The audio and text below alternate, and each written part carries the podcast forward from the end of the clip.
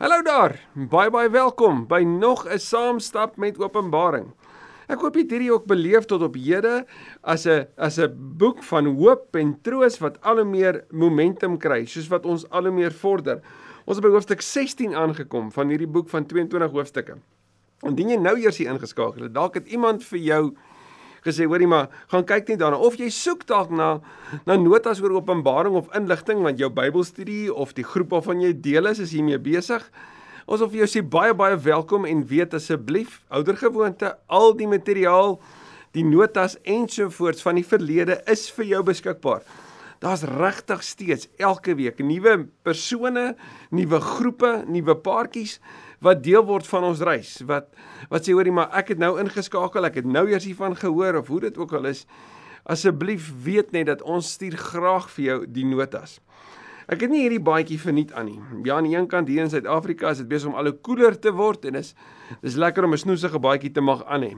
Maar maar hierdie baadjie kom sê 'n paar goed. Aan die een kant kom verduidelik dit letterlik fisies vir ons hoe wit dit is wanneer die Bybel praat oor ons is wit gewas en hulle wat in Openbaring by Sionsberg aankom, se klere is skoon gewas wit en die bloed van die lam is hulle gewas en hulle staan so rein voor God.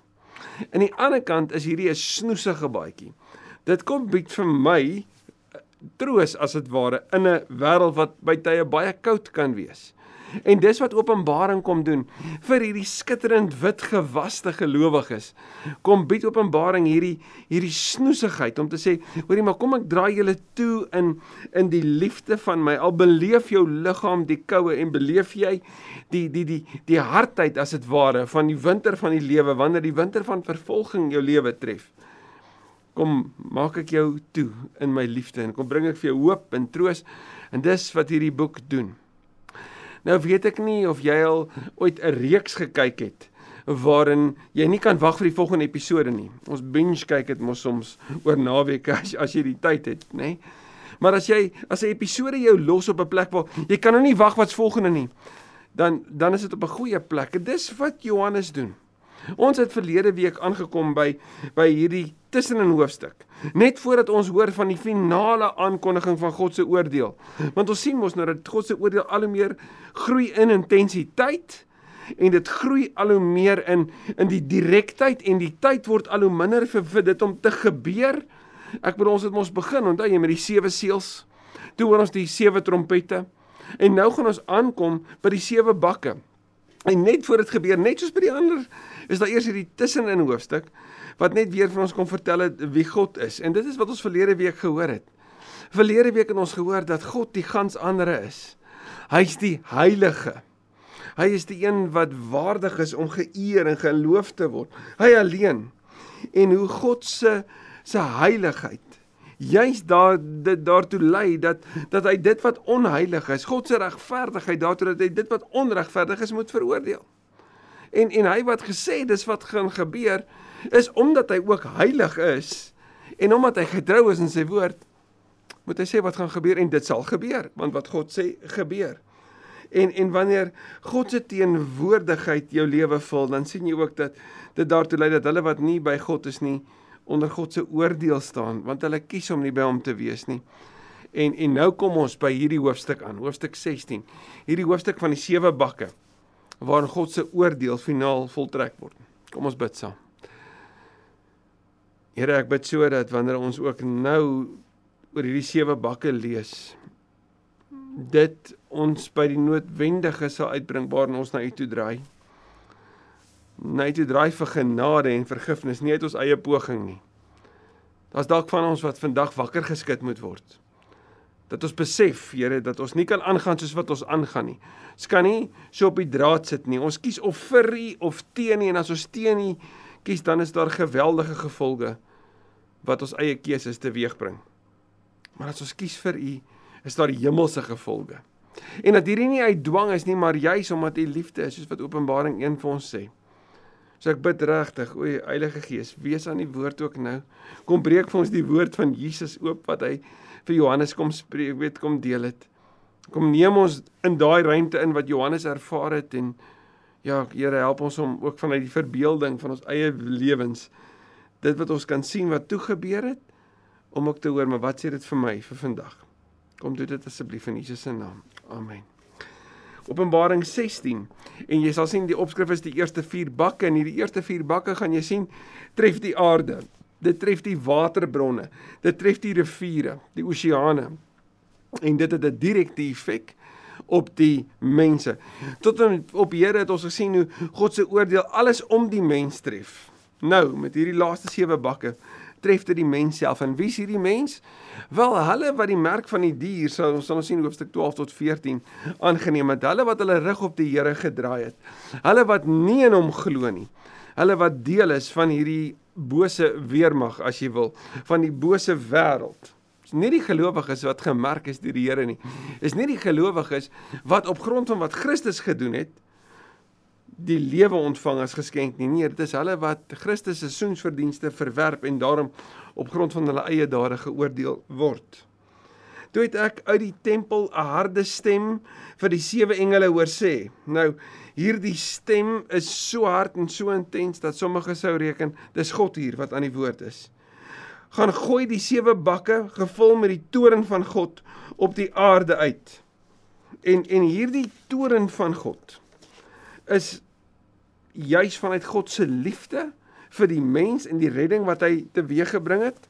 Is daar ook by God vanuit God se heiligheid en sy regverdigheid ook dan die oordeel wat daarmee saamkom en hulle wat hulle rug op hom gedraai het, hulle wat die gelowiges vervolg het, wat wat sy mense verskriklik te nagekom het, hulle vir wie die gelowiges wat ons vooruit gegaan het wat in die hemel is en wat soos ons by Openbaring gesien het, wat ingetree het vir die gelowiges wat gemartel word, Hulle gebede word nou verhoor wanneer God sy toren uitgooi.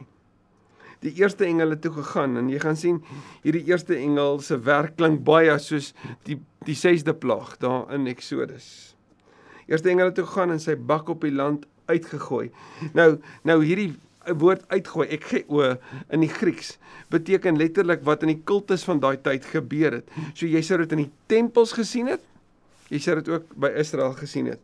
Jeremia 10 vers 25 beskryf iets hiervan. Hy het sy bak op die land uitgegooi. Daar het kwaadaardige en pynlike swere uitgekom. Onthou hierdie 6de plaag aan die mense wat die merk van die dier aan hulle het en wat sy beeld aanbid. Jy het in Openbaring 13 gesien dat hierdie merk van die dier en die, die syfer van die dier word daar beskryf en jy het ook gesien dat dat ek en jy het gesien dat hierdie beeld ook kan wys op uh, en een kant herinner dit ons aan Nebukadneser as hy hy Daniël se wêreld uitpraat en ek kan aan die ander kant hierdie beeld wat Domitianus vir homself laat oprig het daar in Efese. En so dit word natuurlik ook as dit beskryf. En dan vers 3 die tweede engel het sy bak in die see uitgegooi. Dit het bloed geword soos die bloed van 'n dooie en alles wat in die see lewe het dood gegaan. Nou dis die eerste plaag nê nee, wat die rivier in bloed verander het. Maar nou is die see en jy sien dit tref nie net die see self, die water nie, maar die see lewe, alles daar binne. En die Romeine het vreeslik handel gedryf. En een daarvan was die visbedryf gewees. En ook in die see het hulle geweldige vis gevang en dit verkoop. En dit het natuurlik ook kos vir die mense verskaf. So dit tref die die die Romeinse ryk finansiëel, maar dit tref hulle ook in terme van voedsel. So daar's nie voeding nie alles daar binne sterf. En nie net dit nie, nou is die water bloed. So die skeepvervoer kan nie gebeur nie. So die handel wat via die die die see gebeur het op die handelsroetes van daai tyd kon nie gebeur nie. So dis 'n redelike intense ingryping op die wêreld van die Romeine hierdie eerste weet ehm um, tref van die see met die met die tweede engel. Vers 4: Die derde engel het sy bak in die riviere en die waterbronne uitgegooi en dit het ook bloed geword. So nie net die see nie, die tweede deel van van ek wil amper sê hierdie watertref is nou die varswaterbronne en en ons sien ook die riviere. Nou dit het 'n geweldige ingrypende ehm um, wet gevolg op die die lewe van die Romeine gehad. Hierdie odes aankondiging sou kom sê. Maar nie net het jy nou nie kos vanuit die see nie. Jy het nie drinkwater nie. Jy het ook nie vis, varswater vis wat jy kan eet nie. Dis 'n katastrofiese uitspraak hierdie katastrofiese gevolge vir hulle ongehoorsaamheid, vir hulle ongeloof. En dit sou die voortbestaan van die mense in daai tyd ingrypend ingeperk het. Vers 8: Die vierde engel het toe sy bak op die son uitgegooi. Daardeur is aan die son die vermoë verleen om die mens met vuur te brand. daar's nie 'n spesifieke plaag wat hiermee verbind word nie. En en as ons na die son kyk in ander dele van Openbaring dan word die son nogal beskryf met met hoe Christus se glans is. Ons sien ook dat hierdie son om om die die moeder van die messiaanse figuur is later in Openbaring dat die son as dit ware haar haar beskerm maar in hierdie geval gaan die son brand en is baie meer as net 'n hittegolf. Hierdie is 'n konstante pyniging. Dis nie net om te brand nie, dis om te verbrand. En hierdie is 'n geweldige uitspraak van die Here. Is 'n geweldige oordeelsuitspraak wat kom sê maar maar die mense gaan nou gebrand word. Hulle gaan intens gepynig word. Die mense is deur 'n groot hitte gebrand en hulle die naam van God gelaster wat die mag het oor al die pla. So die die pyniging gaan voort. Dit stop nie. Maar saam met dit gaan die laster voort. Hulle draai nie om en bekeer hulle nie. Hulle sê nie Here, ons is jammer, vergewe ons asseblief, stop dit nie. Was ons skoon nie? Nee. Hulle gaan aan om te wees wie hulle is. Die oppositie, die vyande, die teenstanders van die Here. Dis anders hierdie hitte as wat 2 Petrus 3 vers 7 van praat van gelowiges wat wat se geloof deur vuur gelouter en getoets word. Nee, hierdie is nie die die smeltkroeg van kroes van vorming nie. Hierdie is die vuuroond van oordeel. En hulle het hulle nie bekeer nie en nie aan hom die eer gegee nie. Hoe tragies dat te midde van hierdie oordeel hulle steeds kies teen die Here. Toe het ek 'n engel wat oor die water toesig hou en natuurlik die water is 'n bron van lewe en nou het ons twee keer gesien hoe daar bloed is wat wat wat die water met ehm um, verander het. Die water daarin verander en en dit het 'n geweldige impak gehad. So hierdie engele toe het ek hoor sê u is regverdig. U wat is en wat was. U die heilige omdat u die oordeel voltrek het. Hierdie is belangrik vir jou en my. sien God se liefde beteken nie dat God blind is nie. Ons sien in Johannes 1 dat dat in hom is genade en waarheid. En omdat God regverdig is, word die bose geoordeel en veroordeel en gestraf. God het gesê dit is my wil. God het gesê dis wat ek van jou verwag. God het gesê dis wat ek vir jou gee. Dis die opsies, dis nie moontlikhede en as jy teen my kies, ek sit vir jou voor jou voor twee keuses, lewe of dood. Kies die lewe. As jy teen dit kies, dan sal jy die gevolge dra juis omdat hy regverdig is. Nie omdat hy 'n laissez-faire houding het van ons laat maar God se water oor God se akker loop nie, want dis nie wat dit impliseer nie. Inteendeel hierdie sê daar's 'n einde. En wanneer ek en jy die straf van God sien, is dit juis nie dat hy liefdeloos is nie, maar omdat hy ook regverdig is en daarom moet hy die sonde straf. En hier word God se lof besing, hy wat is en wat was, die heilige wat die sonde wreek. Want hulle het die bloed van die gelowiges en van die profete vergiet en u het hulle self bloed laat drink. Dit het hulle verdien teenoor gelowiges wat soos Klaagliedere 3 sê, God se genade wat vars en nuut is elke oggend wat dit glo en geneem het en daarom nie uit eie verdienste nie, maar uit wat Christus verdien het in die hemel is, staan die ongelowiges so teenoor hulle. En die ongelowiges dra die gevolge van hulle dade. Hulle dit verdien. Hulle wat wreed opgetree het teenoor die gelowiges op aarde. En gedink dat die lewe is wonderlik en God is ver. Beleef nou nee, die Here se realiteit en sy straf is hier op hulle. Toe het ek die engel wat oor die altaar toesig hou hoor sê: "Ja, Here God Almagtige, betroubaar en reg is u oordeele." En dan die 5de bak. Die 5de engel het toe sy bak op die troon van die dier uitgegooi en daar het duisternis oor die koninkryk van die dier uitgekom. Jy gaan sien hierdie duisternis, ekskuus tog, verwys na die 9de plaag Natuurlik die hartseer van van die 9de plaag is deur die duisternis gekom het oor Egipte. En die farao nie tot bekering gekom nie. Hy het steeds hardnekkig volhard in sy eie ongeloof. En hier gaan ek en jy dit ook sien duisternis kom oor hierdie koninkryk en hierdie koninkryk van die dier, die dier wat verwys na die anti-kris. Ons het gesien in in Openbaring 13 dat die eerste van die twee diere wat die draak volg, gedeel is van hierdie bose trio was die anti-kris wat waarskynlik ook gestaan het vir die Romeinse heerskappy in daai tyd en dan sal ons sien die dier daarna, die dier van wat op die aarde gestaan het, het vir propaganda gestaan en en dit het waarskynlik ge, gedui op die keiserlike verering en die in die keiserlike priesterdom wat wat bestaan het in daai tyd. So nou is ons by die tweede dier, die anti-kris en ons sien dat dat daar oordeel oor hom en oor sy troon uitgegooi word. So daarom die troon waarskynlik wat dui op Rome. En die interessante is dat in 68 na Christus was daar juis duisternis wat oor die troon in Jerusalem gekom het, in Rome gekom het toe toe Nero selfmoord gepleeg het. En daar word vertel van van die jaar 69 na Christus as die jaar van die vier keisers. Maar sien, die die keisers het toe deur militante optrede het hulle letterlik die troon bestyg. En daar was vier keisers in daai tyd gewees. Daar was Galba, daar was Otto, daar was Vitellius en Vespasianus. Vespasianus was die ergste van almal. Hy wat letterlik besluit het, hoorie, maar ons gaan die Romeine laat honger ly om op hierdie manier ook oor hulle heerskappy te voer. So Rome was wreed teenoor die Romeine omdat hulle magsbehep was. So hierdie skrywe van van Johannes sou die gelowiges kon sê maar daar was ook so 'n tyd gewees, nê? Nee? toe Rome duisternis beleef het. Maar ons het mos nou al gesien Openbaring is op verskillende vlakke geskryf.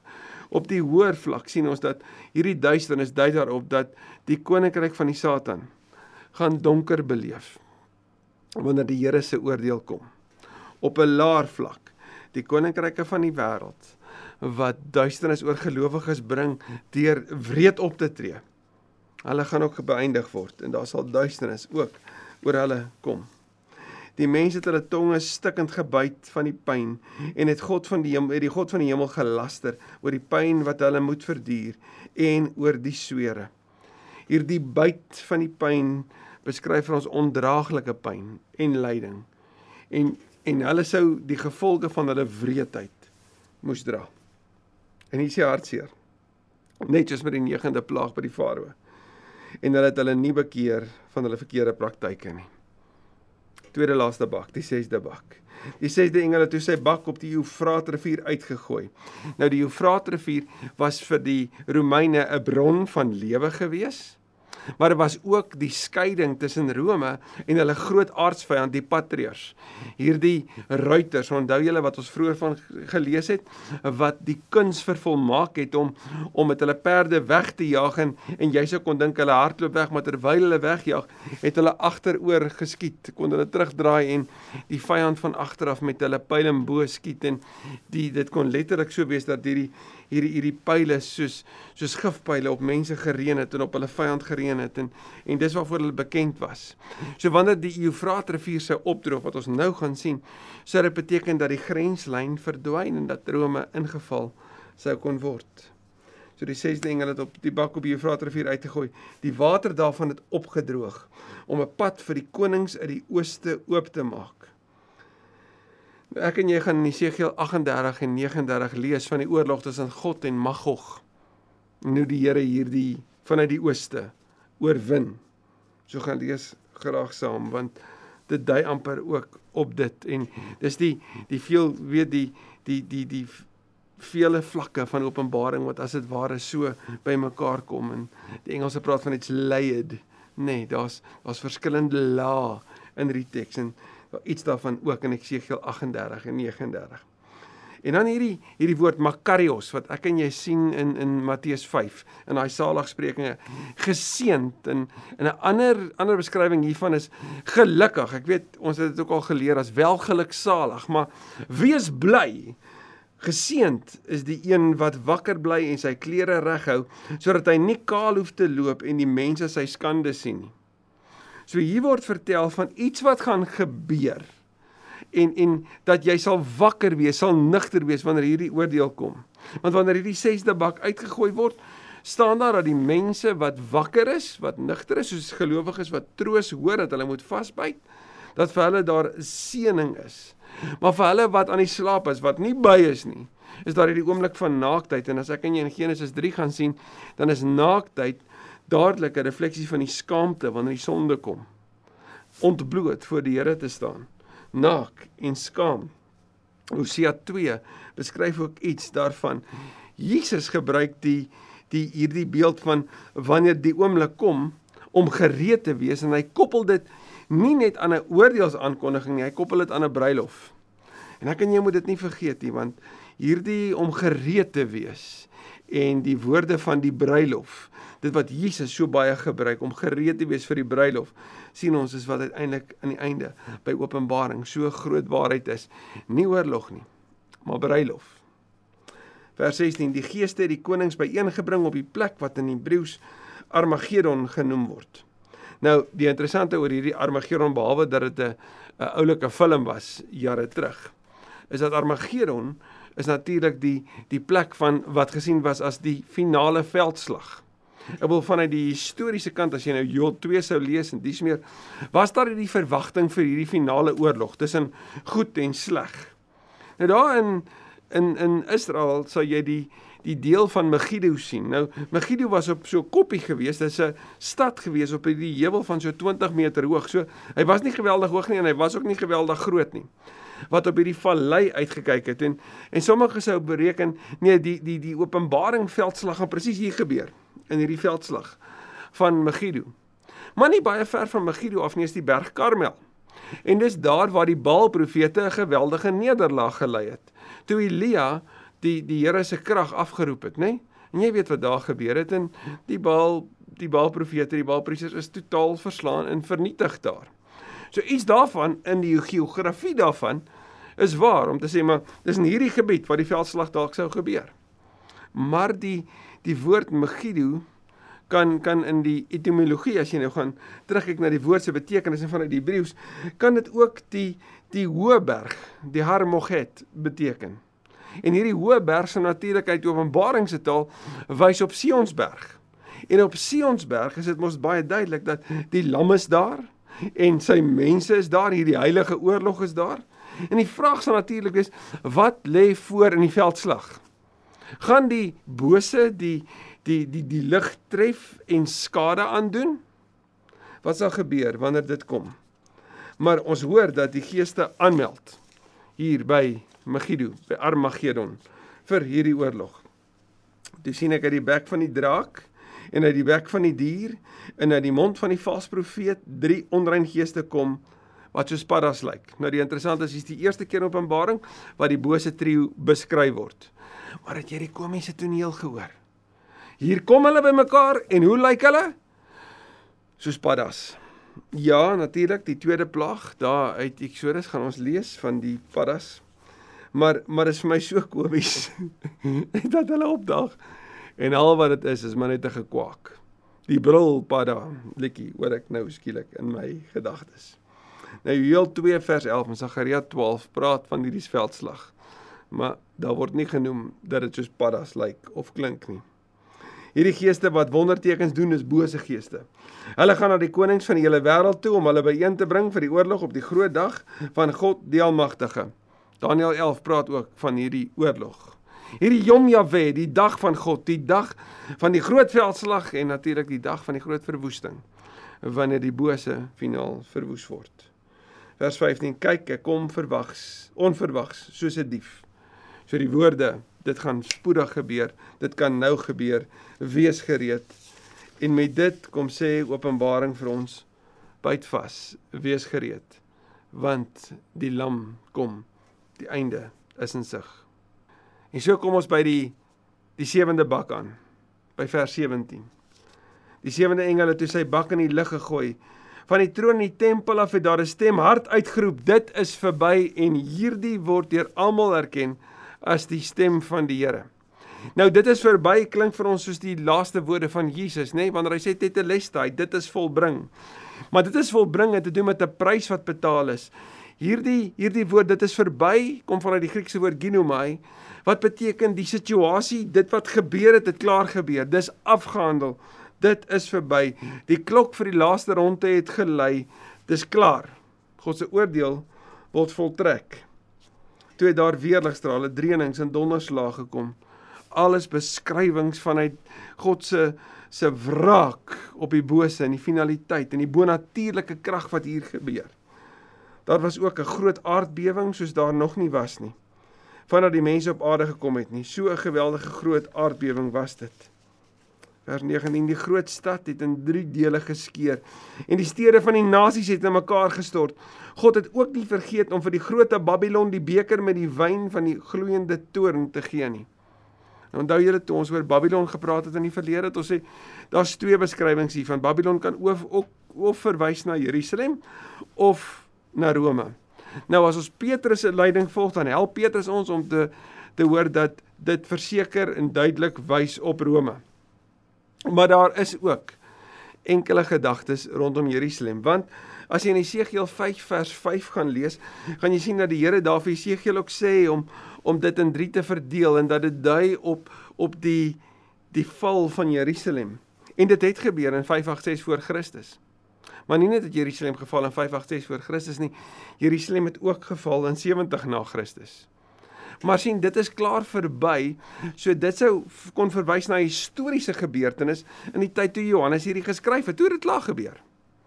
So waarskynlik dat hierdie dan eerder op Rome en op 'n oordeels aankondiging oor hierdie keisers wat met hulle magsbeheptheid en hulle keiserlike verering en en hulle absolute obsessie met mag en en en om mense te misbruik tot hulle eie voordeel daarmee behep is en hulle lewe daarvoor gee en glad nie glad nie gefokus is op wie God is en en en wat sy kinders vir hulle kom vertel en kom leef nie.